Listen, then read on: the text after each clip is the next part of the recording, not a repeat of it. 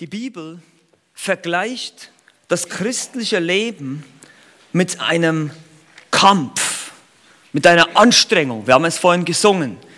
Dein Kampf will bald zu Ende sein. Eine Anstrengung, eine Leistung. Das christliche Leben ist kein Spaziergang im Park, sondern ein Marathon, auch kein Sprint, der bald mal zu Ende ist nach 80 Metern, du Vollgas gibst. Nein, es ist ein Marathon. Du musst laufen, laufen und laufen und laufen. Ausdauer, mit Ausdauer. Die Bibel macht das sehr deutlich. Sie benutzt verschiedene Bilder des Kampfes, der Arbeit, ja sogar des Krieges. So sehr wir Europäer den Krieg nicht mögen, muss uns bewusst sein, dass wir mitten im Krieg sind. Wir sollen den guten Kampf kämpfen, heißt es, Timotheus Brief. Widrigkeiten und Leiden ertragen, 2. Timotheus 2. Wir sind Leute, die Kriegsdienst verrichten, heißt es in 2. Timotheus 2, 4. Und Athleten, die sich an Wettkämpfen beteiligen, im 2. Timotheus 2, 5.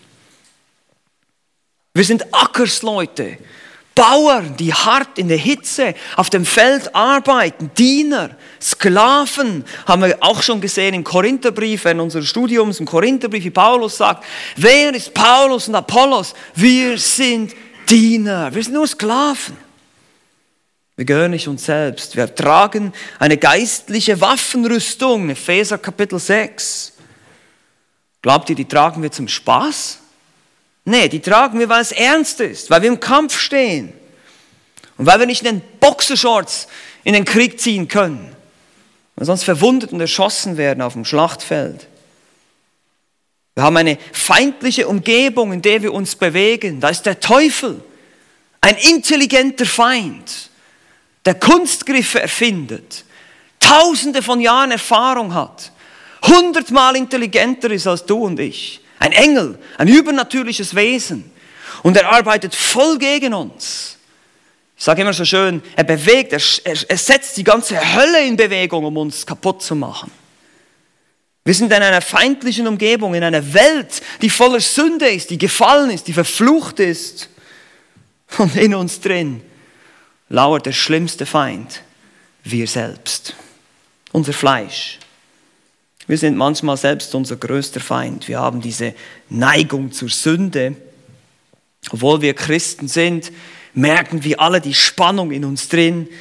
Wie Galater 5, 17 uns sagt, das Fleisch gelüstet gegen den Geist, der Geist gegen das Fleisch, dieses widerstreben einander, sind im Kampf miteinander.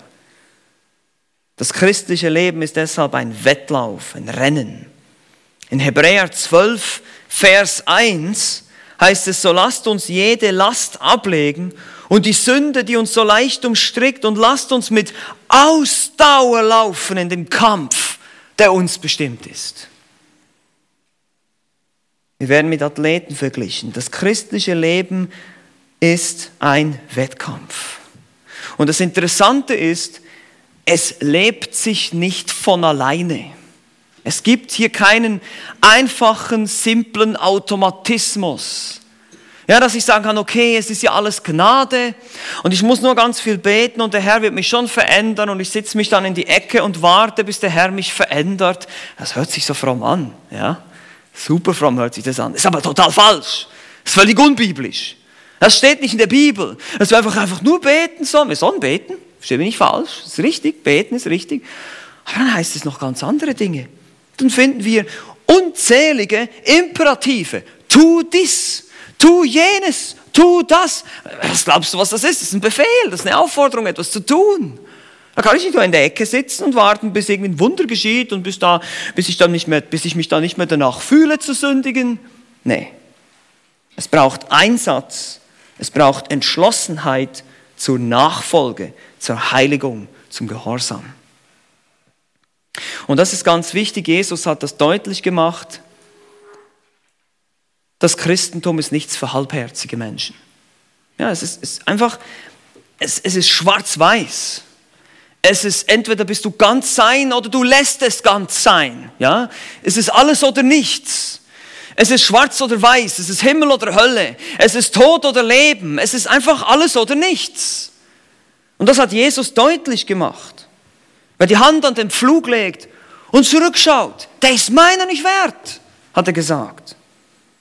Du musst bereit sein, das Kreuz zu tragen, das heißt im Prinzip in den Tod zu gehen für den Herrn. Und wenn wir nicht bereit sind, uns selbst zu verleugnen, das heißt unsere eigenen Wünsche, unsere eigenen Ambitionen, unsere eigenen Vorstellungen, alles, was wir uns wünschen, was wir wollen, einfach abzulegen, wie wir es vorhin gesungen haben, hinter uns zu lassen, die Welt und ihre Lüste, sagt Jesus, dann kannst du nicht mein Jünger sein. Und wenn du nicht sein Jünger bist, bist du nicht gerettet. Das möchte ich nur ganz klar sagen. Das heißt nicht, es heißt ganz klar, dass wenn wir Jesus nachfolgen, dass wir nur, nur dann sind wir gerettet, nur dann sind wir wahre Jünger. Jesus verlangt ganze Hingabe. Er sagt, wer nicht allem entsagt, was er hat, kann nicht mein Jünger sein. Lukas 14, Vers 33. Und ihr kennt das Sprichwort. Ein halber Christ ist ein ganzer Mist. Ganz genau. Das ist so. Also, wir kämpfen, wir laufen, wir rennen, wir strengen uns an. Okay. Mit welchem Ziel? Nun, das Ziel ist, Christus ähnlicher zu werden. Das, glaube ich, haben auch schon viele von uns immer wieder gehört und das müssen wir immer wieder hören. Das Ziel ist, wir wollen Christus ähnlicher werden. Wir wollen so sein wie Jesus.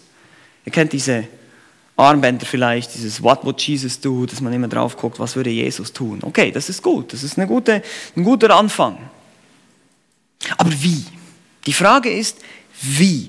Wie? Mit welchen Mitteln sollen wir kämpfen? Versteht ihr, wenn ich sage, okay, ich möchte, ich vergleiche uns jetzt mit Sportlern hier, einige Sportler haben ja unter uns hier, ich möchte trainieren, ich möchte Muskelaufbau machen, da muss ich gewisse Geräte haben, muss ich, mich, muss ich bestimmte Werkzeuge benutzen dafür, um diese Dinge, um diese Ziele zu erreichen. Meine Lieben, genauso ist es im geistlichen Leben. Wenn ihr geistlichen Körperaufbau macht, ich weiß, bei, bei uns im Hauskreis, wir sagen immer, das Hauptthema des Epheserbriefes ist Bodybuilding, genau. Es geht um den Aufbau des Leibes und da ist natürlich der geistliche Leib gemeint, der Leib Christi. Aber dafür brauchen wir sozusagen Trainingsgeräte. Ja, Gott gibt uns ein, ein, eine, ein ganzes Arsenal an Trainingsgeräten, an die wir uns hängen können, wo wir dann pumpen können und trainieren können. Das ist genau das, was er tut. Er gibt uns den Heiligen Geist, er rettet uns aus Gnade, er schenkt uns alles frei. Die Rettung ist umsonst, durch Glauben allein aus Gnade. Und dann gibt er uns aber verschiedene Mittel, die wir einsetzen, die wir in unserem Leben sozusagen in Bewegung setzen können. Oder halt eben nicht. Und je nachdem, wie ich diese Mittel benutze oder eben nicht, werde ich geistig wachsen oder eben nicht geistig wachsen. So ist es wirklich spannend zu sehen, dass man oft, ich erlebe das oft, eine Seelsorge, dass Menschen zu mir kommen und dann, oder ich gehe zu ihnen öfters mal, und, und dann merke ich einfach, ja, das, das, die, die, der Einsatz, die, diese Mittel wurden nicht in Bewegung gesetzt und deshalb hast du bestimmte Probleme. Du, kriegst, du kommst nicht über bestimmte Sünden hinweg, du hast Depression, was auch immer, was dein Problem ist. Aber oft liegt es einfach daran, und das ist eigentlich immer so, dass einige dieser Mittel oder viele oder gleich alle davon eben nicht richtig in Bewegung gesetzt werden. Obwohl Gott dir alles gegeben hat, es liegt alles da, es liegt alles bereit, dieses Waffenarsenal, ich vergleiche es jetzt mit einer Waffenrüstung, Epheser 6, der Schild und, und der Helm und, also, ja, und, und das Schwert und es liegt alles da, aber du nimmst es nicht. Und du, du übst nicht damit, du trainierst nicht damit, ja, dann bist du selber schuld. Und genau diese Verantwortung wird auf uns gelegt als Nachfolger Christi. Wir können nicht einfach nur da liegen auf dem Liegestuhl und sagen, Herr, verändere mich, sondern wir müssen etwas tun. Wir kämpfen vom Sieg her kommend, versteht mich nicht falsch. Es geht nicht darum, dass wir uns damit unser Heil verdienen. Überhaupt nicht. Das Heil ist sicher. Aber wir kämpfen, um Christus ähnlicher zu werden, damit wir überhaupt brauchbare Werkzeuge sind in dieser Welt. Er möchte uns benutzen. Er möchte uns verändern, dass wir anders sind, dass wir ein Zeugnis sind. Durch unser Leben, durch unser Wandel. Und das sehen wir auch immer wieder. Ihr könnt einen Epheserbrief lesen, ihr könnt einen Philipperbrief lesen, ihr könnt, egal was ihr eigentlich lest in den neutestamentlichen Briefen, es geht immer darum, dass die Christen durch ihren guten Wandel auffallen sollen. Und dann natürlich das Wort verkündigen, evangelisieren. Und diese Gnadenmittel, die sind auch besser bekannt in unserer Gemeinde als die sogenannten fünf Gs. Fünfmal der Buchstabe G. Einige von uns kennen das schon, haben das schon oft gehört. Wir reden immer von den fünf Gs. Gottes Wort, Gebet, Glaube, Gehorsam und Gemeinschaft. Beginnt alles mit G. Kann man sich gut merken. Ist ein super Ding. Aber die Frage, die sich vielleicht der eine oder der andere schon mal gestellt hat, ist eben, okay, ich weiß jetzt Gottes Wort, Gebet, Glaube, Gehorsam und Gemeinschaft. Aber wie, wie, wie kann ich konkret diese Dinge jetzt anwenden, in meinem, in meinem eigenen Leben, in meiner individuellen Situation sozusagen in Bewegung setzen, dass sie auch ihre Wirkung haben? Wie bringe ich Gottes Wort zum Wirken in meinem Leben? Wie bringe ich das Gebet zum Wirken in meinem Leben? Wie soll ich beten?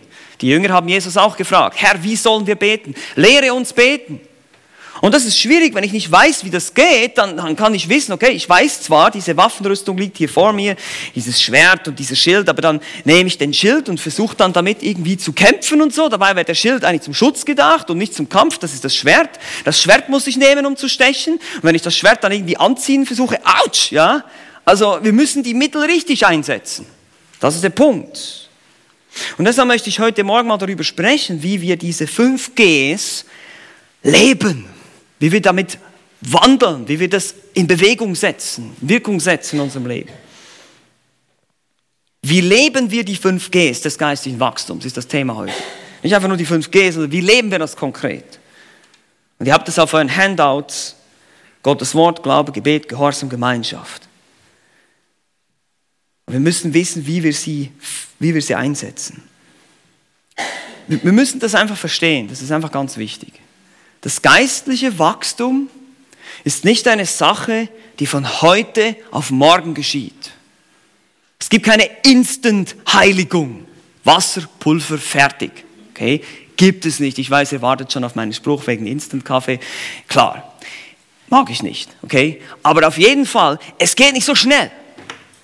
Es geht langsam. Es ist ein andauernder Prozess. Die Heiligung ist ein langsamer, andauernder Prozess. Wie gesagt, und sie muss getrennt werden von der Errettung. Das muss getrennt verstanden werden. Du wirst aus Gnade allein gerettet und gerechtfertigt. Du bist ein Heiliger. Du hast die Stellung eines Heiligen. Und dann kommst du in diesen Prozess hinein, der Heiligung, wo du wirst, was du schon bist wo du verändert wirst immer mehr in das Bild des lieben Sohnes. Und das ist dann ein Prozess, der viel Zeit braucht. Und trotzdem kannst du diesen Prozess entweder beschleunigen oder behindern. Du kannst ihn beschleunigen, indem du die Gnadenmittel in deinem Leben in Bewegung setzt. Du kannst ihn behindern durch alle anderen möglichen Dinge. Durch Sünde natürlich.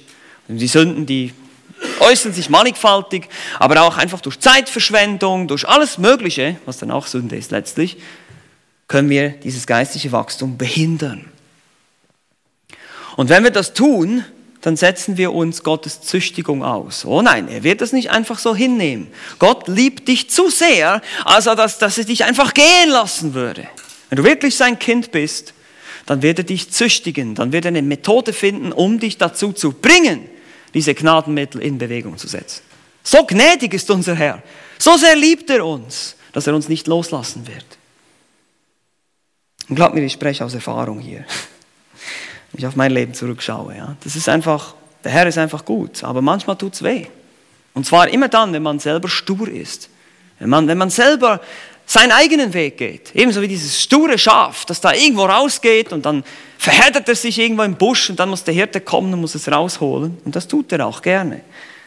Und dann kommt es aber wieder genau an den Punkt zurück, wo es abgedriftet ist und kann nochmal alles von vorne anfangen, kann nochmal alles wiederholen. So, jetzt lass uns das nochmal durchexerzieren hier.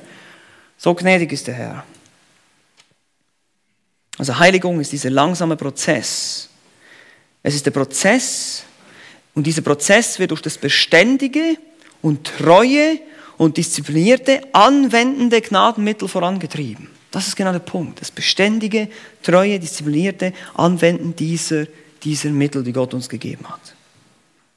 Also ihr versteht, die Disziplin im christlichen Leben besteht nicht darin, dass ich einfach nur sage, ich höre jetzt auf zu lügen und ich rede jetzt einfach die Wahrheit. Ja, das hört sich so, das ist, das, das greift zu wenig weit sondern die Disziplin im christlichen Leben greift vor allem da, wo ich diszipliniert diese Gnadenmittel bei mir in meinem Leben in Bewegung setze. Und dann wird das andere eine Frucht dessen sein, ein Ergebnis dessen.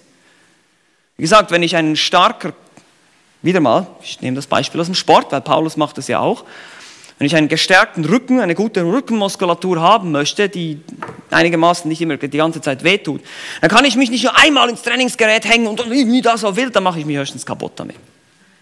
Sondern ich muss langsam und stetig, Schritt für Schritt, die einzelnen Muskeln alle schön trainieren und irgendeinmal werden sie so gestärkt sein, dass ich dann, dass die Rückenschmerzen zurückgehen. Manchmal ist es auch nicht so, ich weiß, der Vergleich hinkt. Aber ihr wisst, was ich meine. Im Geistlichen ist es genau gleich. Ohne Fleiß keinen Preis. Die Frage ist, wo? Es muss effizient, es muss am richtigen Ort eingesetzt werden. Und deshalb lasst uns das jetzt anschauen zusammen. Der erste Punkt hier ist, geh wie Gottes Wort, fülle dein Leben mit dem Wort. Meine Lieben, alles beginnt mit diesem Buch hier, mit der Bibel. Alles beginnt mit diesem Buch. Paulus schreibt in Kolosser 3, Vers 16, lasst das Wort des Christus reichlich in euch wohnen indem ihr in aller Weisheit euch gegenseitig lehrt und ermahnt mit Psalmen, Lobliedern und geistlichen Liedern, Gott singend in eurem Herzen in Gnade. Kolosser 3, 16. Lass das Wort reichlich in dir wohnen.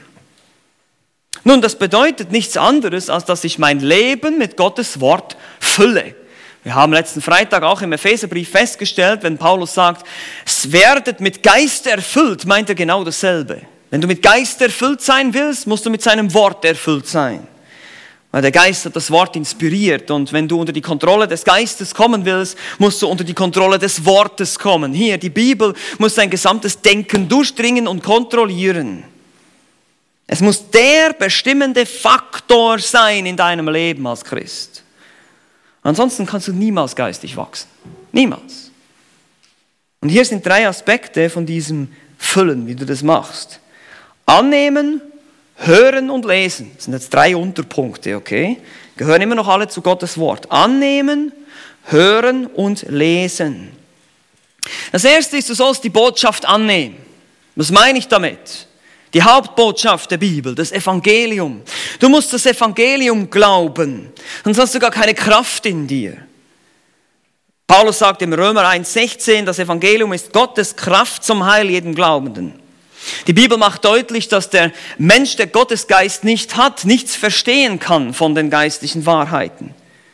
Und wir müssen verstehen, wir müssen erstmal gerettet sein. Und deshalb, wenn du heute hier bist und, und nicht deine Beziehung zum Herrn Jesus hast, dann ist das das Erste, was für dich wichtig ist. Du musst wiedergeboren werden, hat Jesus zu Nikodemus gesagt. Er hat gesagt, du, dein ganzes Pharisäertum nützt dir gar nichts. Deine ganzen Werke nützen dir gar nichts. Deine ganze Disziplin nützt dir auch gar nichts, wenn du nicht wiedergeboren bist. Das ist die Voraussetzung. Alle haben gesündigt und erreichen nicht die Herrlichkeit, die sie bei Gott haben sollten. Wir sind alle Sünder und Gott erwartet Gehorsam. Und wenn wir das nicht tun, dann kommen wir in die ewige Hölle. Das ist die ewige Strafe, die wir alle verdienen. Aber Gott hat seinen Sohn gesandt, Jesus Christus, der am Kreuz gestorben ist auf Golgatha, damit deine und meine Sünden vergeben werden können. Aber das ist noch nicht alles. Gott hat uns auch seinen Geist gegeben in uns, damit der Geist uns antreibt, jetzt gehorsam zu sein und das zu tun, das zu lieben, was Gott liebt. Es ist eine Veränderung deiner Gesinnung. Es ist eine Veränderung des Herzens. Das hat nichts mit Religion zu tun, mit Gesetzlichkeit, mit ich muss hier und ich muss da und ich darf das nicht und ich darf jenes nicht. Nein, ich will nicht mehr wie früher. Und ich liebe den Herrn und ich möchte das tun, was er sagt. Das ist wahres Evangelium. Und deshalb glaube an den Herrn Jesus Christus, damit du gerettet wirst. Tu Buße. Das ist die Grundlage. Du sollst die Botschaft annehmen erstmal. Du musst durch das Evangelium leben können, du musst es erstmal in deinem Leben sein. Das zweite hier ist, du sollst die Botschaft hören. Bevor du die Botschaft aber annehmen kannst, musst du sie hören. Nicht nur zu deiner Errettung, sondern auch zu deiner Heiligung. Und dazu hat Gott bestimmte Männer, Gaben gegeben der Gemeinde, Prediger, Lehrer. Weil der Glaube kommt aus der Verkündigung, die Verkündigung durch Gottes Wort, Römer 10, Vers 17. Der Glaube kommt aus der Verkündigung, die Verkündigung aus Gottes Wort. Wir verkündigen Gottes Wort. Und deshalb wird hier bei uns der Bibelgemeinde Gottes Wort verkündigt. Wir machen hier nicht ein großes, langes Tamtam. -Tam. Äh, wir haben natürlich Musik und all diese Sachen, aber vor allem steht hier die Auslegung der Bibel im Mittelpunkt. Am liebsten würde ich die Kanzel manchmal auch ganz in die Mitte schieben, damit es wirklich in der Mitte steht. Die Kanzel ist das Wichtigste. Die Bibel ist das Wichtigste. Es ist alles, was wir haben. Sie muss verkündigt werden. Daraus folgt wahrer Glaube. Und dafür hat Gott euch Hirtenlehrer gegeben, die euch zurüsten. In Epheser 4, 12 heißt es zur Zurüstung der Heiligen für das Werk des Dienstes, meiner Lieben. Wenn wir hier morgens am Sonntag sitzen, ist das nicht zum Selbstzweck. Das ist nicht einfach, damit du dich gut fühlst und damit du wieder eine schöne Predigt gehört hast. Nein, das ist, damit du was lernst. Und damit wir das umsetzen, was wir lernen. Das ist das Ziel. Zurüstung. Und so auch alle anderen Dinge. Bibelstunden Sogar Gebetsstunden, ja, da lernen wir auch viel. Ja, wir hören den anderen Geschwistern zu, wie sie beten, wir lernen, wie wir richtig beten. Aber Männerkurse, Frauenkurse, all diese Dinge, die jetzt angeboten werden, Seminare, all das dient zur Zurüstung. Du musst das Wort Gottes hören, unbedingt hören. Deshalb, wann immer Gottes Wort verkündigt wird, musst du gut zuhören. Nun, wie kann ich das machen? Wie kann ich das machen? Und hier werden wir jetzt ganz praktisch. Ganz praktisch. Ein paar Anwendungen für dich. Wie kann ich ein guter Zuhörer sein, wenn das Wort Gottes verkündigt wird? Das erste. Mach dir Notizen. Okay? Mach dir Notizen. Okay. Ich sehe manchmal Leute so im Gottesdienst sitzen. So, sitzen sie da. Ne?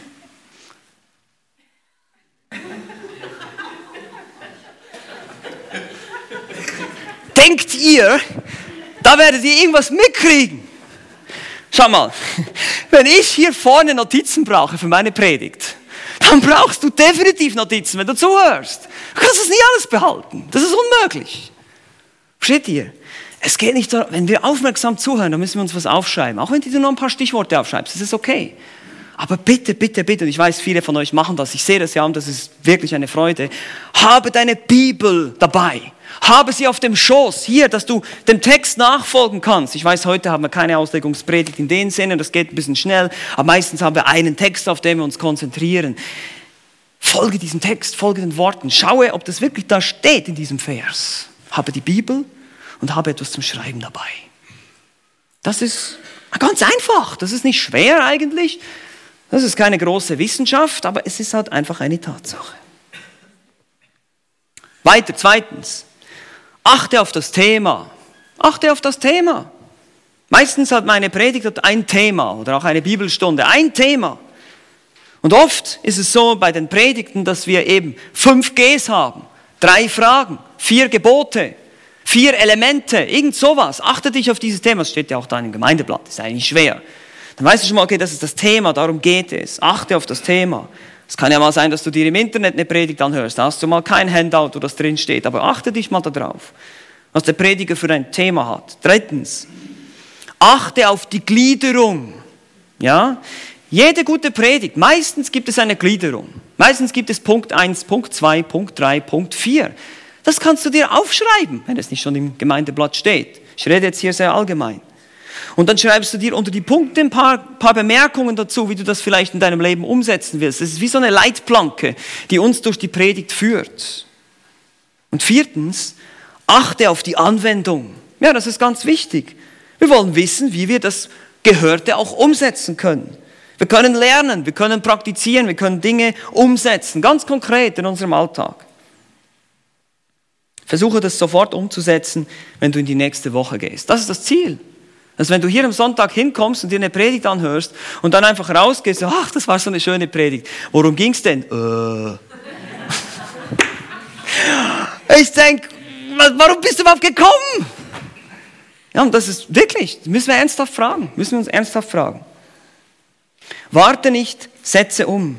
Du wirst nicht geistlich wachsen, wenn du kein Täter des Wortes bist. Sei ein Täter des Wortes, Jakobus 1, 22 und nicht allein ein Hörer, der sich was? Selbst betrügt. Wenn du hier Predigt über Predigt über Predigt über Predigt gehört hast und in deinem Leben sieht man nichts davon, dann betrügst du dich einfach nur selbst.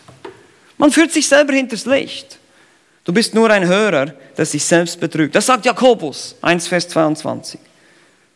Gut, Botschaft annehmen, Botschaft hören und jetzt drittens haben wir auch noch einen weiteren Unterpunkt. Du sollst die Botschaft lesen. So ist die Botschaft lesen. Das gehört jetzt zum nächsten Thema wieder. Das Evangelium zu glauben ist nur der Anfang. Es gibt noch viel mehr in der Bibel zu entdecken. Die Bibel ist wie die Bedienungsanleitung zum Leben, die Gott der Schöpfer dir geschenkt hat. Lerne ihre Prinzipien, du weißt, wie du dann ein Leben zu Gottes Ehre leben kannst. 2. Timotheus 3, Vers 16 und 17, alle Schrift ist von Gott eingegeben und nützlich zur Belehrung, zur Überführung, zur Zurechtweisung, zur Erziehung in der Gerechtigkeit, damit der Mensch Gottes ganz zubereitet sei, zu jedem guten Werk völlig ausgerüstet. Die Bibel ist das, was du brauchst, um ein christliches Leben zu leben. Wie gesagt, die Botschaft ist nicht nur die Botschaft der Rettung, sondern die Botschaft für dein ganzes Leben, wie du denken, wie du handeln, wie du fühlen sollst. Die Bibel befiehlt uns sogar, wie wir fühlen sollen. Ist das nicht interessant? Wir sollen richtige Gefühle kultivieren und falsche hinter uns lassen. Freut euch alle Zeit, sagt Paulus. Das ist ein Gefühl. Freu dich. Aber es ist ein Befehl, er befiehlt das, tu das. Über die richtigen Dinge. Gut, auch hier ein paar Anwendungen. Wie kann ich die Botschaft lesen? Erstens, Stichwort Bibelleseplan. Bibelleseplan. Hast du einen Bibelleseplan? Wenn nicht, tue Buße, habe ich am Mittwochabend gesagt, den Männern. Es ist wirklich ein bisschen so. Du musst die Bibel systematisch lesen, weil sonst liest du immer nur vielleicht deine Lieblingsbücher, deine Lieblingsverse. Und wenn dann irgendwann mal der Prediger sagt, schlag mal das Buch Obadiah auf, hä? Ich wusste gar nicht, dass es in der Bibel ist. Und das ist schade. Du verpasst was. Und wenn wir einen Plan haben, wenn wir eine Strategie haben, das ist wie gesagt im Kampf, im Krieg, du brauchst eine Strategie des Angriffs. Du musst wissen, okay, ich möchte gerne in einem Jahr, in zwei Jahren, in drei Jahren, man kann das ein bisschen länger machen, das ist kein Problem, muss sich hier keiner stressen deswegen. Aber auf die andere Seite sage ich, hey Leute, wenn wir die Bibel nicht lesen, von vorne bis hinten, von vorne bis hinten, von vorne bis hinten, dann, dann, dann glauben wir nicht wirklich, dass es Gottes Wort ist. Ich möchte alles wissen, was in der Bibel steht. Ich möchte nur die Hälfte wissen. Ich möchte die gesamte Bibel verstehen. Und das ist das Geheimnis. Das ist das Geheimnis. Eine der wichtigsten Klassen beim EBTC oder auch bei mir am Master Seminary, das war die Bibelüberblick-Klasse. Das ist eine der wichtigsten Klassen, haben uns die Lehrer auch gesagt. Warum? Weil wenn man den gesamten Bogen versteht, das gesamte Bild versteht, dann ist man viel weniger in der Gefahr, Dinge aus dem Zusammenhang zu reißen und sie dann so für sich selbst in einer Art zurechtzubiegen, wie ich sie gerne haben möchte.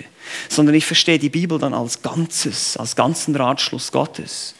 Und nicht nur so ein Teilwissen. Und ich reiße dann Dinge aus dem Zusammenhang, die ich vielleicht noch gar nicht verstehe. Also lies die Bibel systematisch. Das ist mal das Erste. Sei einfach da drin. So kannst du das Leben mit dem Wort füllen. Zweitens, stille Zeit. Ja? Stille Zeit ist so ein Thema für viele, die denken, ja, was ist denn eine stille Zeit? Es ist kein Nickerchen, das ich da mache ja, in der stillen Zeit, sondern da geht es einfach darum, dass ich, ein, dass ich mir irgendwo Zeit nehme, um mich ganz bewusst auf Gott auszurichten. Eine Zeit habe, wo ich zu Gott bete, wo ich die Bibel lese, wo ich einen Abschnitt der Bibel lese, vielleicht ein bisschen intensiver auch darüber nachdenke und dann wirklich auch bete. Und einfach diese Zeit, wir können den ganzen Tag und wir sollen die ganze Zeit beten, aber es ist einfach gesund, irgendwo diese Zeiten zu haben. Jesus hat uns das vorgelebt, er hat das auch gehabt. Er hat auch die Zeiten gehabt, wo er sich zurückgezogen hat und wo er dann einfach sich Zeit genommen hat mit dem Vater. Und wenn wir Christus ähnlicher sein wollen, müssen wir Zeit mit ihm verbringen. Das ist ganz logisch. Je mehr wir Zeit mit ihm verbringen, desto mehr werden wir ihm ähnlicher werden. Und deshalb auch drittens, nicht nur stille Zeit, sondern auch Meditation. Also das ist nicht die fernöstliche Meditation hier, sondern da geht es um Nachsinnen. Haben wir gesehen im Psalm 1, der über sein Gesetz nachsinnt. Einfach mal innehalten Einfach mal alle Ablenkungen ausschalten, die Smartphones und so weiter, und einfach sich mal konzentrieren auf einen Text mal da länger darüber nachdenken, nachsinnen. Was sagt er eigentlich hier? Wovon spricht er hier? Und was bedeutet das dann auch in meinem Leben? Wie kann ich das umsetzen? Viertens, auch Studium dass du Kommentare, Lexika nimmst. Einige von euch haben Studienbibeln, dass wir uns mal Zeit nehmen, ein Buch zu studieren, ein bisschen intensiver, Einleitungsfragen anzuschauen, solche Dinge, uns die, die freie Zeit dafür nehmen. Ja, wir müssen halt vielleicht bisschen weniger Fernseh gucken, bisschen weniger Internet spielen, bisschen weniger, was weiß ich, Zeitung lesen, Sportresultate, keine Ahnung, womit wir unsere Zeit alles verbringen und die Zeit nehmen, mal ein biblisches Buch zu studieren. Wie wäre das? Wäre mal eine gute Idee, oder? Und das ist genau das, genau das Denken, was wir brauchen. Auswendig lernen. Fünftens, auswendig lernen. Ich weiß, viele von uns streben oder, oder widerstrebt das ein bisschen. Wir sind eine Gesellschaft, die nicht mehr auswendig lernen muss. Die Technik denkt für uns. Wer von uns weiß noch wenigstens seine eigene Telefonnummer auswendig? Früher musste man sämtliche Telefonnummern im Kopf haben. Kann mich noch an Zeiten erinnern, wo es nur Festnetztelefone gab, ja. Und wir haben auch gelebt. Aber heute haben wir so viel Technik und ich bin da auch schuldig, ich weiß das, aber das verführt uns dazu, dass, die, dass wir nicht mehr selber denken. Wir lernen die Schrift auswendig, um uns an sie zu erinnern. Psalm 119, Vers 11. Ich bewahre dein Wort in meinem Herzen, dass ich nicht gegen dich sündige. Den habe ich auch auswendig gelernt. Das ist ein guter Vers. Psalm 119, Vers 11. Ich bewahre dein Wort in meinem Herzen, dass ich nicht gegen dich sündige. Das Wort Gottes, wenn du das auswendig lernst, wird es dich durch den Tag durch begleiten. Du wirst immer wieder diesen Vers aufsagen, du wirst immer wieder daran denken. Deine Gedanken werden sich beständig auf das Richtige ausrichten. Das ist das Wort Gottes. So musst du das mit deinem, so kannst du das Leben mit dem Wort füllen. Und wenn wir das nicht tun, dann müssen wir uns nicht wundern, wenn wir geistig schwach sind. Jemand hat mal gesagt, zwei Dinge kann man nicht voneinander trennen. Staub auf der Bibel und Eis auf dem Herzen. Hast du Staub auf der Bibel, das heißt, die ist immer nur im, im Schrank, du liest sie nie, dann hast du Eis auf dem Herzen. Das ist einfach so. Gut, wir müssen zum zweiten G gehen. Wir könnten noch viel mehr sagen dazu. Es wird ein bisschen schneller gehen jetzt, keine Angst. Aber trotzdem, das war mir jetzt wichtig. Das Wort Gottes ist so die Grundlage für alles. Das zweite G ist G wie Glaube. Und man könnte auch sagen, höre auf die richtige Stimme. Glaube bedeutet Vertrauen. Einerseits Vertrauen auf das, was Christus für mich getan hat am Kreuz auf Golgatha. Das ist der rettende Glaube. Ich, ich vertraue ihm, dass er bezahlt hat für meine Schuld. Aber jetzt geht es weiter. Wir leben auch durch den Glauben. Das geht weiter. Wir werden nicht nur gerettet durch den Glauben allein, sondern wir leben auch aus Glauben. Sagt Paulus, wir wandeln durch Glauben, nicht durch Schauen. 2. Korinther 5, 7. Wir wandeln durch Glauben als Christen. Und hier ist einfach die ganz einfache Frage, die du dir immer wieder stellen kannst. Deshalb habe ich Gottes Wort am Anfang genommen. Welcher Stimme willst du glauben? Willst du dem Wort Gottes glauben oder willst du deinen Gefühlen, deiner Intuition, deinem was auch immer, Professor, den Leuten, die dir irgendwas sagen, was so sehr schlüssig klingt, was auch immer es ist, auf welche Stimme willst du hören in deinem Leben? Das ist Glaube, Vertrauen. Worauf baust du dein Leben? Worauf vertraust du? Worauf setzt du alles auf eine Karte? Und das ist Gottes Wort. Die Bibel verbietet uns gewisse Dinge. Glaubst du, dass das gut ist für dich? Die Bibel gebietet uns gewisse Dinge. Glaubst du wirklich, dass du das tun solltest? Steht ihr, wir müssen das mal verstehen, was Glauben wirklich bedeutet. Glauben hat immer Werke zur Folge, sagt Jakobus. Immer. Und ich vertraue Gott, weil er mich liebt, weil er es gut meint mit mir, weil er, mich, weil er weiß, wie sehr mich die Sünde zerstört. Deshalb glaube ich. Hebräer 11, Vers 6. Ohne Glauben aber ist es unmöglich, ihm wohl zu gefallen. Ohne Glauben können wir Gott nicht gefallen. Deshalb stell dir die Frage, wem glaube ich? Ist es die Wahrheit oder ist es irgendeine andere Stimme, auf die ich höre? Und das ist der Grund, warum viele von uns manchmal so Kämpfe haben. Sie hören auf ihre Gefühle. Sie hören auf irgendeine innere Stimme, eine Intuition, eine was weiß ich, aber ich fühle mich nicht danach und solche Sachen hört man dann. Dann hör einfach nicht da dran. Was bestimmt dein Leben? Was ist Wahrheit? Oder machen wir uns Sorgen? Haben Probleme, denken, oh, ich mache mir Sorgen. Diese Sorgen sind auch eine Stimme, auf die du nicht hören sollst. Das sind Lügen. Du weißt gar nicht, ob es wirklich so rauskommen wird. Und so weiter. Also Glaube. Wem glaube ich? Gottes Wort. Erstens. Zweitens Glaube. Das dritte G. Geh wie Gebet. Habe geschrieben, bleib online mit Gott. Ja, ihr merkt schon, ich habe mich auf dieses Medienseminar vorbereitet nächste Woche. Das merkt man ein bisschen. Ähm, aber das ist so. Du, wir sind uns gewohnt in der heutigen Gesellschaft immer online zu sein. Das ist auch etwas ganz Neues. Früher gab es das nicht. Wir sind ständig online eigentlich. Wir sind ständig irgendwie im Internet. Auch wenn wenn wir das Handy nur in der Tasche rumtragen. Selbst dann sind wir online. Und das ist ein gutes Bild, wie wir als Christen geistlich online sein sollen mit Gott. Beständig, immer. Das Gebet ist nicht nur so eine einmalige Sache, ich bete meine zehn Minuten und dann habe ich das abgehakt, sondern ich soll immer die ganze Zeit online sein, immer mit dem Herrn sprechen, im Herzen, immer mich auf ihn ausrichten, immer an ihn denken, den gesamten Tag, bis ich mich wieder schlafen lege. Jesus hat gesagt, getrennt von mir könnt ihr was? Nichts tun. Johannes 15, Vers 5. Die Bibel fordert dich deshalb auf, beständig im Gebet zu sein. Es ist sozusagen wie das Atmen. Ja, ich meine, du denkst dir auch nicht die ganze Zeit, jetzt muss ich einatmen, jetzt muss ich ausatmen, jetzt muss ich einatmen, jetzt muss nicht vergessen, jetzt muss ich ausatmen. Ja, nee, das machst du automatisch. Und genau dahin wollen wir auch kommen, dass wir es genauso automatisch beten. Wenn ich alleine bin, wenn ich irgendwo unterwegs bin, selbst wenn ich auf Toilette bin, ja, man kann immer beten. Immer. Und das ist das Schöne.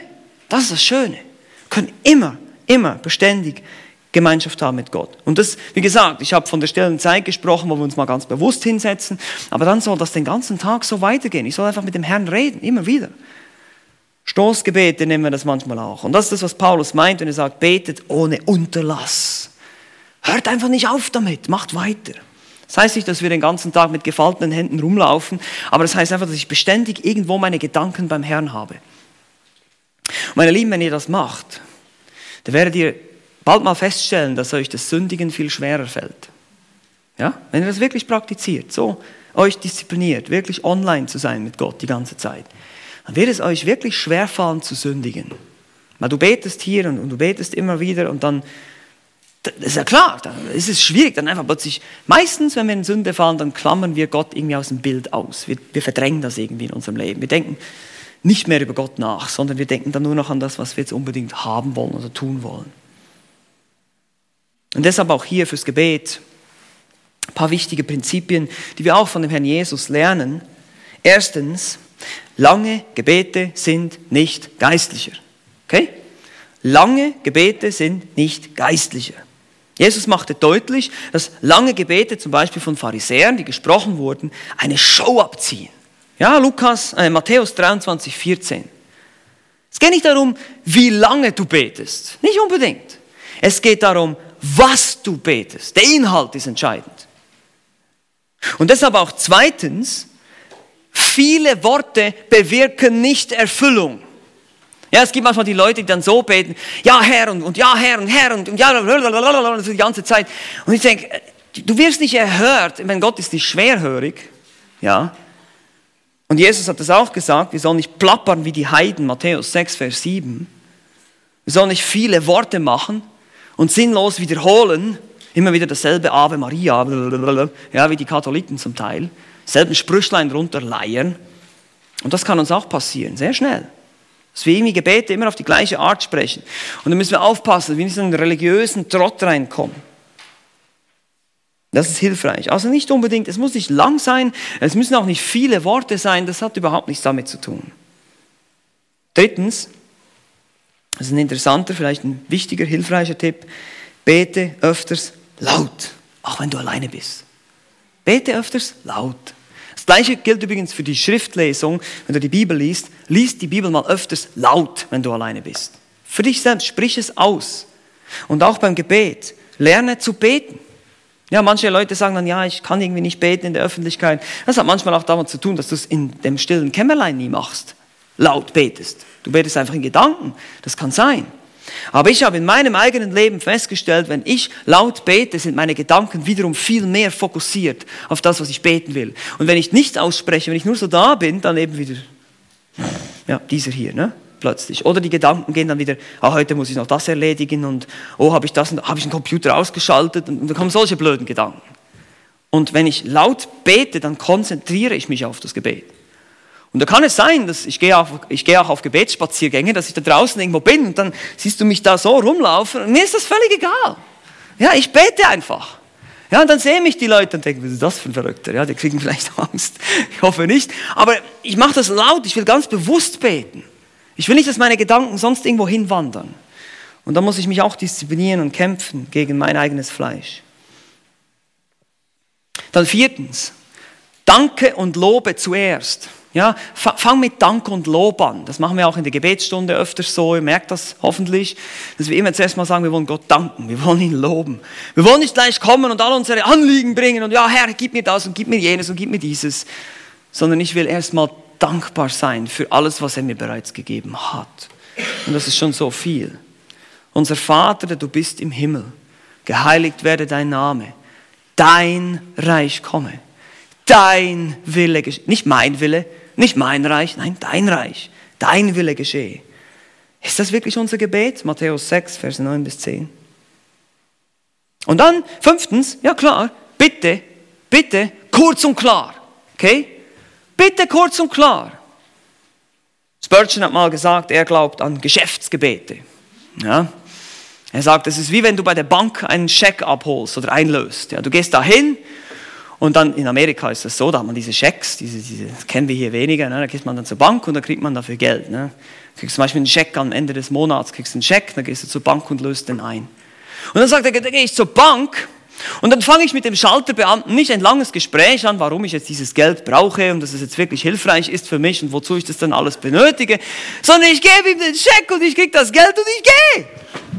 Und es ist genau das, was wir tun. Komm zum Punkt. Der Herr weiß sowieso schon, was du benötigst. Und er denkt dann wahrscheinlich, okay, was willst du denn? Was möchtest? Sag, sag mir es doch einfach, ich gebe es dir schon. Herr, ich möchte das. Okay, gut, endlich. Ja, und vielleicht sagt er dann auch, nein, nee, das kriegst du nicht. Ich gebe dir was viel Besseres. Ja. Das geschieht auch oft. Aber wir müssen einfach, wir dürfen auf den Punkt kommen. Wir müssen nicht denken, wir müssen jetzt da eben so ein mega äh, Wortschwall dann erstmal und das alles irgendwie umrahmen, sondern Lass uns einfach direkt zu unserem lieben Vater gehen, der seine Kinder liebt. Mein Kind kommt auch nicht zu mir und Papa, manchmal machen sie das, aber eine ganz gewisse kleine Person macht das. Genau. Aber nein, die sagen, Papa, ich würde gerne das machen. Okay, dann machen wir das halt. Oder dann sage ich, nee, das geht leider nicht jetzt. Aber dann kommst du nicht irgendwie und machst erstmal, erklärst mir mal und alles. Und so sollen wir auch sein. Ganz einfach, ganz natürlich. Also wir haben Gottes Wort, wir haben Glaube, Gebet und jetzt haben wir viertens, das vierte G, G wie Gehorsam. Und hier habe ich den Untertitel, tue das Richtige, um dich gut zu fühlen. Das hört sich so ja, ein bisschen esoterisch an, ja, um dich gut zu fühlen. Das Ziel ist natürlich nicht, dass wir uns nur gut fühlen, okay? Das ist damit nicht gemeint. Aber es ist einfach so, um das im Hinterkopf zu haben, Gehorsam bringt immer Segen. Immer. Es lohnt sich immer, gehorsam zu sein. Es lohnt sich nie, ungehorsam zu sein. Lest mal das fünfte Buch Mose. Ich habe das gerade in meinen Andachten jetzt gelesen am Morgen. Das ist der Wahnsinn, wie oft Gott das betont. Wenn ihr gehorsam seid, dann das. Wenn ihr ungehorsam seid, dann das. Vergesst es nicht. Vergesst euren Gott nicht. Seid gehorsam. Schaut darauf, dass ihr alle diese Gebote haltet, weil ich werde euch segnen. Ich werde euch fruchtbar. Dann kommt es im Kapitel 28, kommen die ganzen Segnungen und dann kommen die ganzen Flüche. Es wird alles aufgelistet. Eine Riesenliste von, von Segen und Fluch, einfach um das deutlich zu machen. Deutlicher könnte man es nicht machen eigentlich. Gehorsam lohnt sich immer.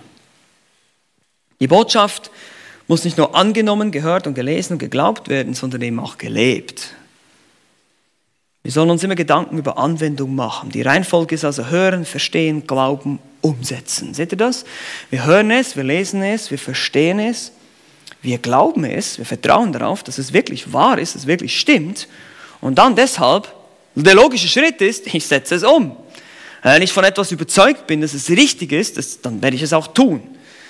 Sonst sagt die Bibel eben ganz deutlich, glaubst du es eben nicht, weil du es eben nicht tust. Das ist ganz logisch eigentlich. Jakobus, hier nochmal, in Kapitel 2, Vers 20 sagt, willst du aber erkennen, du nichtiger Mensch, dass der Glaube ohne die Werke tot ist. Oder 1. Johannes 2, Vers 3, daran erkennen wir, dass wir ihn erkannt haben, wenn wir seine Gebote halten. Also es ist ziemlich simpel, sagt Johannes, du erkennst einen wahren Christen daran, dass er wirklich gehorsam ist. Und wenn er nicht gehorsam ist, dann ist er kein Christ. Punkt.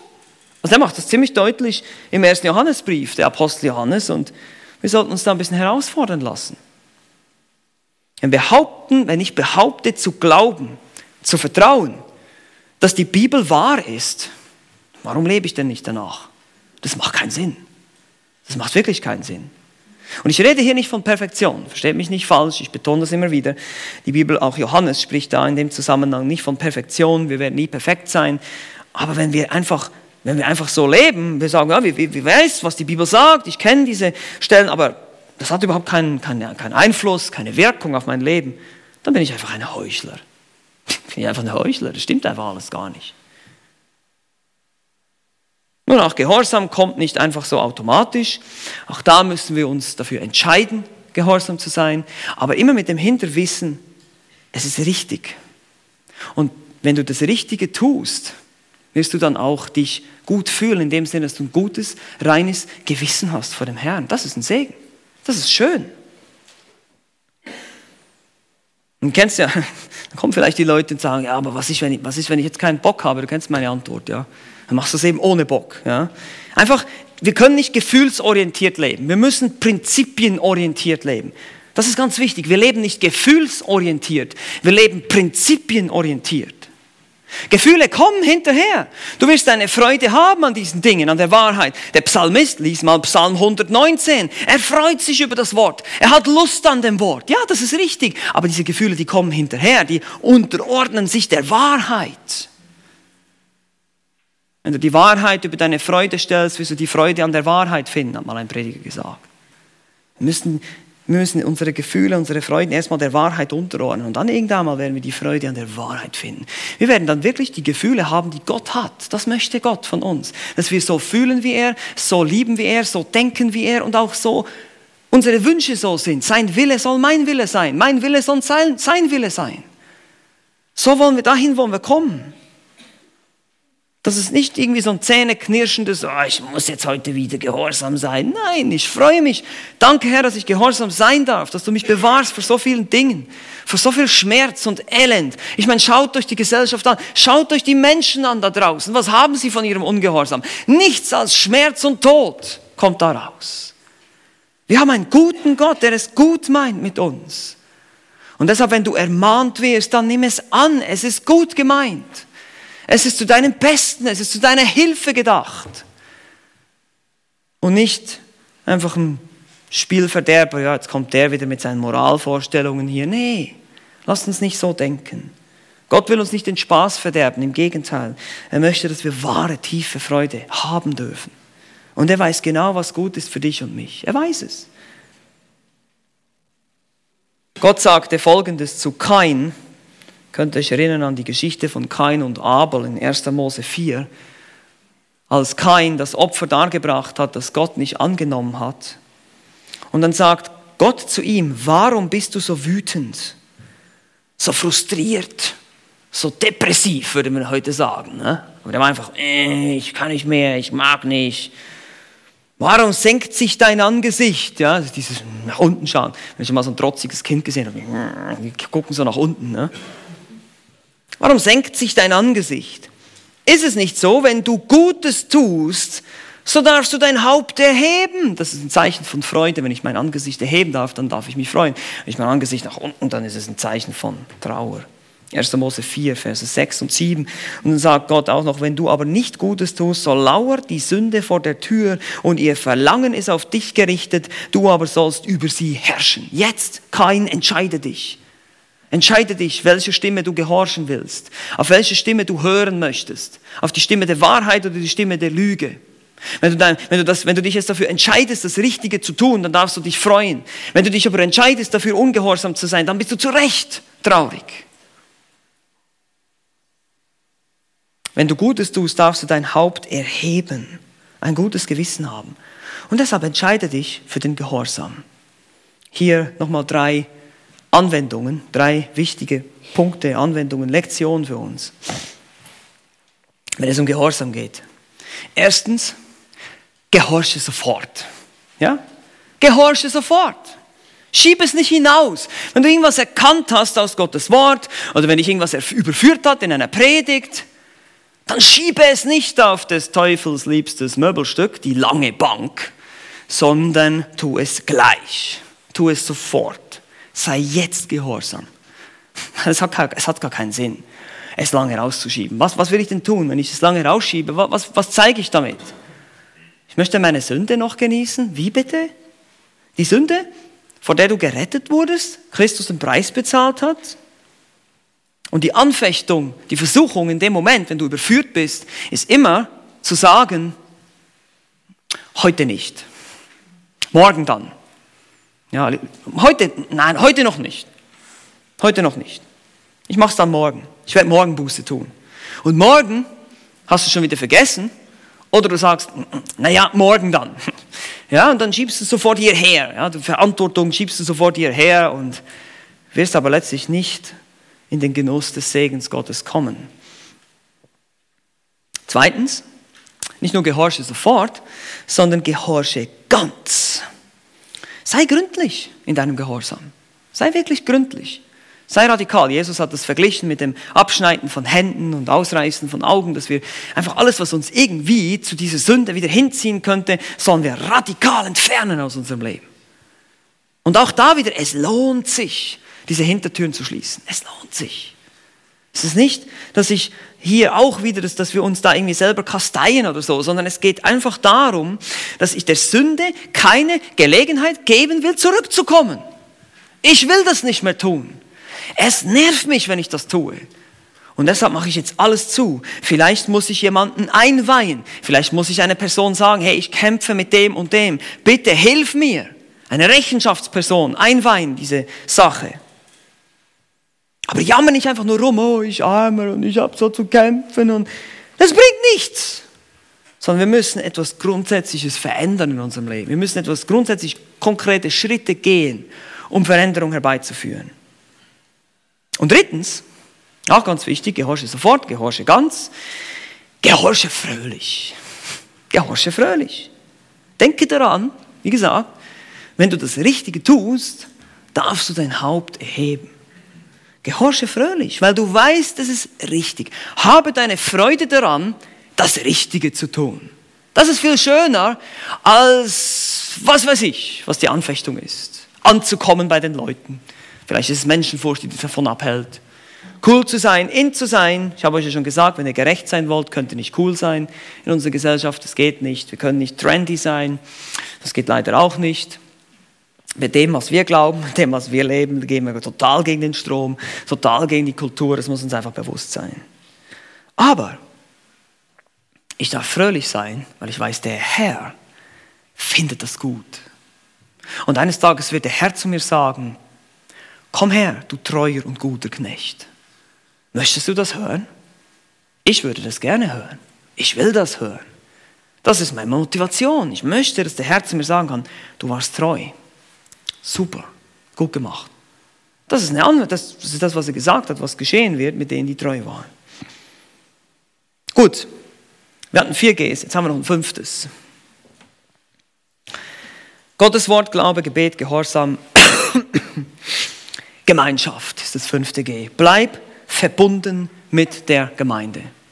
Das ist ein Thema, was wir immer wieder ansprechen und was ich auch gerne immer wieder anspreche, einfach um euch das so lieb zu machen, dass ihr das einfach wirklich, dass es einsinkt. Das christliche Leben ist ein Mannschaftssport. Es ist ein Teamsport. Wir kämpfen gemeinsam, wir sitzen gemeinsam in einem Boot. Es gibt keine Einzelkämpfer, weil du es alleine nicht schaffst. Ganz einfach. Du schaffst es alleine nicht. Deshalb hat der Herr Jesus die Gemeinde ins Leben gerufen. Ich werde meine Gemeinde bauen, hat er gesagt in Matthäus 16, Vers 18. Die Gemeinde, die Gemeinschaft ist aber mehr als nur einfach ein gemütlicher Smalltalk und gemütliches Kaffee trinken.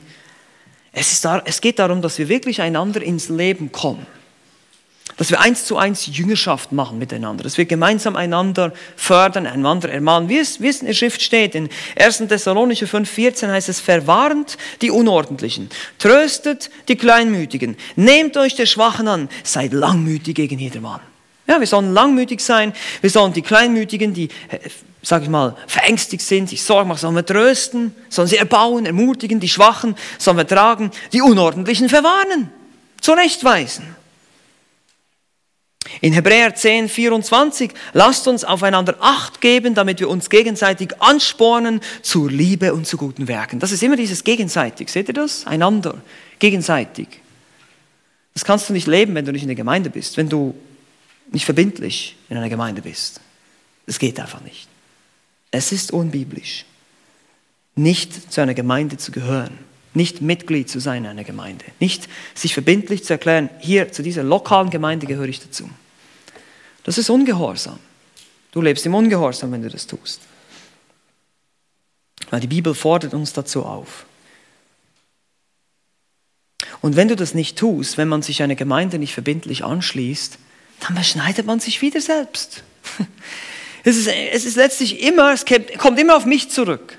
Ja, wie gesagt, die Gnadenmittel sind da. Gott hat dir Gottes Wort gegeben, sein Wort, das ist die Möglichkeit zu beten, den Glauben, den Gehorsam, die Kraft, gehorsam zu sein. Und auch die Gemeinde, sie ist da, sie steht dir zur Verfügung sozusagen. Nutzt du die Chance? Kommst du zur Gemeinde, zum Gottesdienst, zur Bibelstunde um 9 Uhr, zum Hauskreis? Bist du treu? Nutzt du diese Gelegenheiten? Nimmst du das wahr? Oder bist du so mal hier, mal da? Und dann wiederum, verwundere dich nicht, wenn du geistlich nicht weiterkommst. Das ist wie, das ist wirklich ein Automatismus. Das eine wie das andere. Eben, du, du musst dich, entweder setzt du, dich, setzt du diese, diese Gnadenmittel in Bewegung, gibst deinen Geschwistern die Möglichkeit, dich kennenzulernen, dich auch zu ermahnen, dich zu ermutigen, dich weiterzubringen, dich zu motivieren, oder du gibst ihnen nicht die Möglichkeit. Und dann beschneide ich mich selbst. Und deshalb sollten diese Dinge Priorität sein auf meinem Kalender. Das ist nicht Gesetzlichkeit. Das ist einfach nur Weisheit. Ich weiß, ich brauche diese Gemeinschaft. Ich sterbe, ich verkümmere geistlich, wenn ich nicht Gemeinschaft habe. Das ist der Punkt. Darum geht es. Und du nennst dich Christ und sagst, du glaubst an Christus und du sagst, du liebst ihn und du dienst ihm. Aber seine Braut, die Gemeinde, die sieht nicht viel von dir. Was? Wie bitte? Wieso? Das, das macht keinen Sinn. Hier stimmt etwas nicht. Wenn ich kein Verlangen nach Gemeinschaft habe, dann muss ich mich ernsthaft prüfen. Will ich irgendwas verstecken? Will ich, nicht, dass, will ich gar nicht, dass die Menschen mich wirklich kennen? Weil ich eben lieber noch irgendwo da so meine Lieblingssünden noch mit mir weiter ein bisschen rumschleppen möchte? Ist das der Grund? Ich muss mich prüfen. Und hier nochmal ein paar praktische Anwendungen, auch wie wir diese Gemeinschaft, wie, wie, können wir das, wie können wir das leben, wie können wir so sein? Einfach so ein paar praktische Tipps, Anwendungen für uns, wie wir ganz einfach, ganz praktisch umsetzen können. Erstens, schaue dich um. Ja? Schaue dich um. Vielleicht gibt es da jemanden, wenn du jetzt hier am Sonntagmorgen hier bist oder im Hauskreis oder wo immer wir Kontakt haben miteinander, wo wir Gemeinschaft zusammenkommen, schaue dich mal um. Wo gibt es jemanden, der vielleicht alleine dasteht? Der vielleicht irgendwie angesprochen werden muss, weil er vielleicht, siehst du sogar, plötzlich stellt sich raus, das ist ein Ungläubiger, der zum ersten Mal hier ist. Du hast die Möglichkeit, ihm das Evangelium zu verkündigen. Manchmal verpassen wir solche Chancen. Schaue dich um. Zweitens, stelle gute Fragen. Ja, das ist relativ simpel. Ich komme zu jemandem hin und stelle ihm mal eine gute Frage. Und gute Fragen sind offene Fragen, auf die man nicht mit Ja oder Nein antworten kann, sondern die eben so ein bisschen weiterführen, die so ein bisschen versuchen, das Wasser aus seinem Herz rauszuschöpfen, wenn ich mal das Bild der Sprüche verwenden darf. Ja? Ein weiser Mann versteht es, das Wasser hinauszuholen aus dem Herzen des anderen. Und das ist genau das, was wir tun, indem wir gute Fragen stellen. Wie oder was Fragen. Möglichst keine Warum-Fragen, das ist so ein bisschen verurteilen, da muss sich der andere schon so ein bisschen verteidigen. Nee, einfach nur was. Was denkst du über die Predigt? Was, wie hat es dir gefallen? Wie hat dir die Predigt gefallen? Was hast du mitgenommen? Was hast du gelernt? Siehst du? Und dann muss der andere ein bisschen mehr sagen als nur gut. Und wenn er sagt gut, dann sagst du, ja, was war denn so gut an der Predigt? Ja, lass, lass, uns mal ein bisschen ins Gespräch kommen sozusagen. Und so beginnt Gemeinschaft, so beginnen Beziehungen, so beginnen Freundschaften in der Gemeinde. Drittens, auch ganz wichtig, höre zu. Ja, das ist die andere Seite. Wichtig ist, dass wir, dass wir dem Partner, dem, dem Gesprächspartner dann auch wirklich die gesamte Aufmerksamkeit schenken, dass wir dann nicht irgendwie ständig, oh, warte mal, mein Handy klingelt, uh, irgendwie völlig abgelenkt sind, sondern wirklich gut zuhören, aufmerksam sind, vielleicht diese Aufmerksamkeit auch ein bisschen zeigen, indem wir zwischendurch nicken und sagen, oh ja, ja, klar. Ja, das ist so, weil sonst, wenn jemand so dasteht, so denke ich, hörst du mich ja, hallo, hörst du mir doch zu? Ja, Es ist auch nicht so angenehm, mit so jemandem ein Gespräch zu führen, ehrlich gesagt. Und ich denke, diese Person interessiert sich wahrscheinlich gar nicht dafür, was ich hier erzähle. So fühlt sich dann derjenige, der, der spricht. Ne? Dann viertens, auch ganz wichtig, viertens, sei tatsächlich interessiert. Ich meine, das Ganze soll natürlich nicht aufgesetzt sein, es soll von christlicher Liebe motiviert sein und hoffentlich ist das so, weil sonst spielen wir nur ein Spielchen, das ist nicht das Ziel. Aber ihr wisst, wie das ist. Manchmal hat man noch so ein bisschen Menschenfurcht und ja, das kann ich doch jetzt nicht und na, wie soll ich jetzt diese Person da ansprechen und so. Doch, das ist christliche Liebe. Christliche Liebe interessiert sich eben für den Nächsten, nicht für sich selbst. Ich gehe auf den Nächsten zu. Der Nächste ist mir wichtig. Ich spreche ihn an. Ich interessiere mich für seine Kämpfe, für seine Situation, für seinen Beruf vielleicht auch, was er gerade im Moment macht. Philipper 2,4, jeder schaue nicht auf das Seine, sondern jeder auf das des anderen. Das ist christliche Liebe.